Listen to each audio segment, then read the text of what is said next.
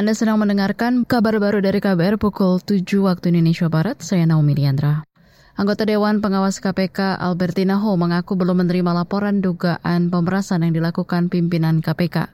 Pemerasan diduga dilakukan saat penanganan perkara di Kementerian Pertanian 2021.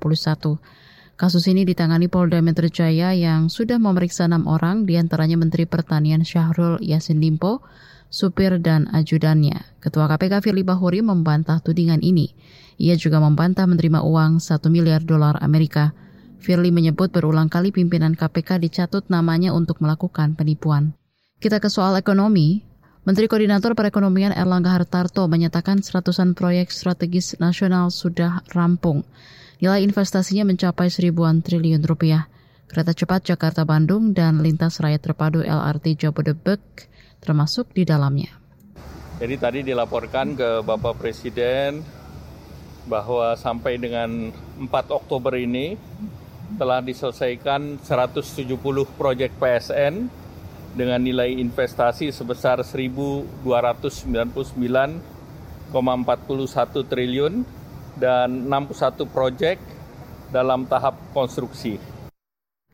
Menko Perekonomian Erlangga Hartarto menambahkan tahun depan bakal ada 25 proyek strategis nasional yang ditargetkan tuntas Oktober 2024.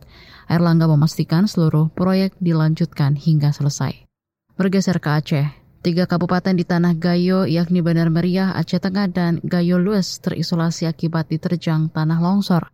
Jalur lintas penghubung tiga daerah itu putus total karena tertimbun longsor. Material lumpur dan bebatuan menutupi badan jalan hingga tak dapat dilalui pengguna jalan raya.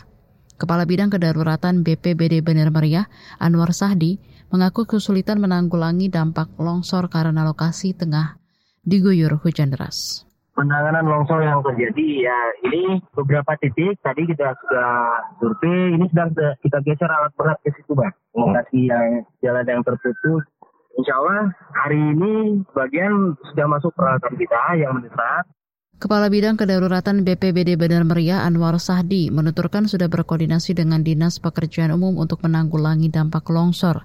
Belum ada kepastian kapan jalur penghubung tiga kabupaten itu bakal dioperasikan kembali. Demikian kabar baru dari KBR, saya Naomi Liandra.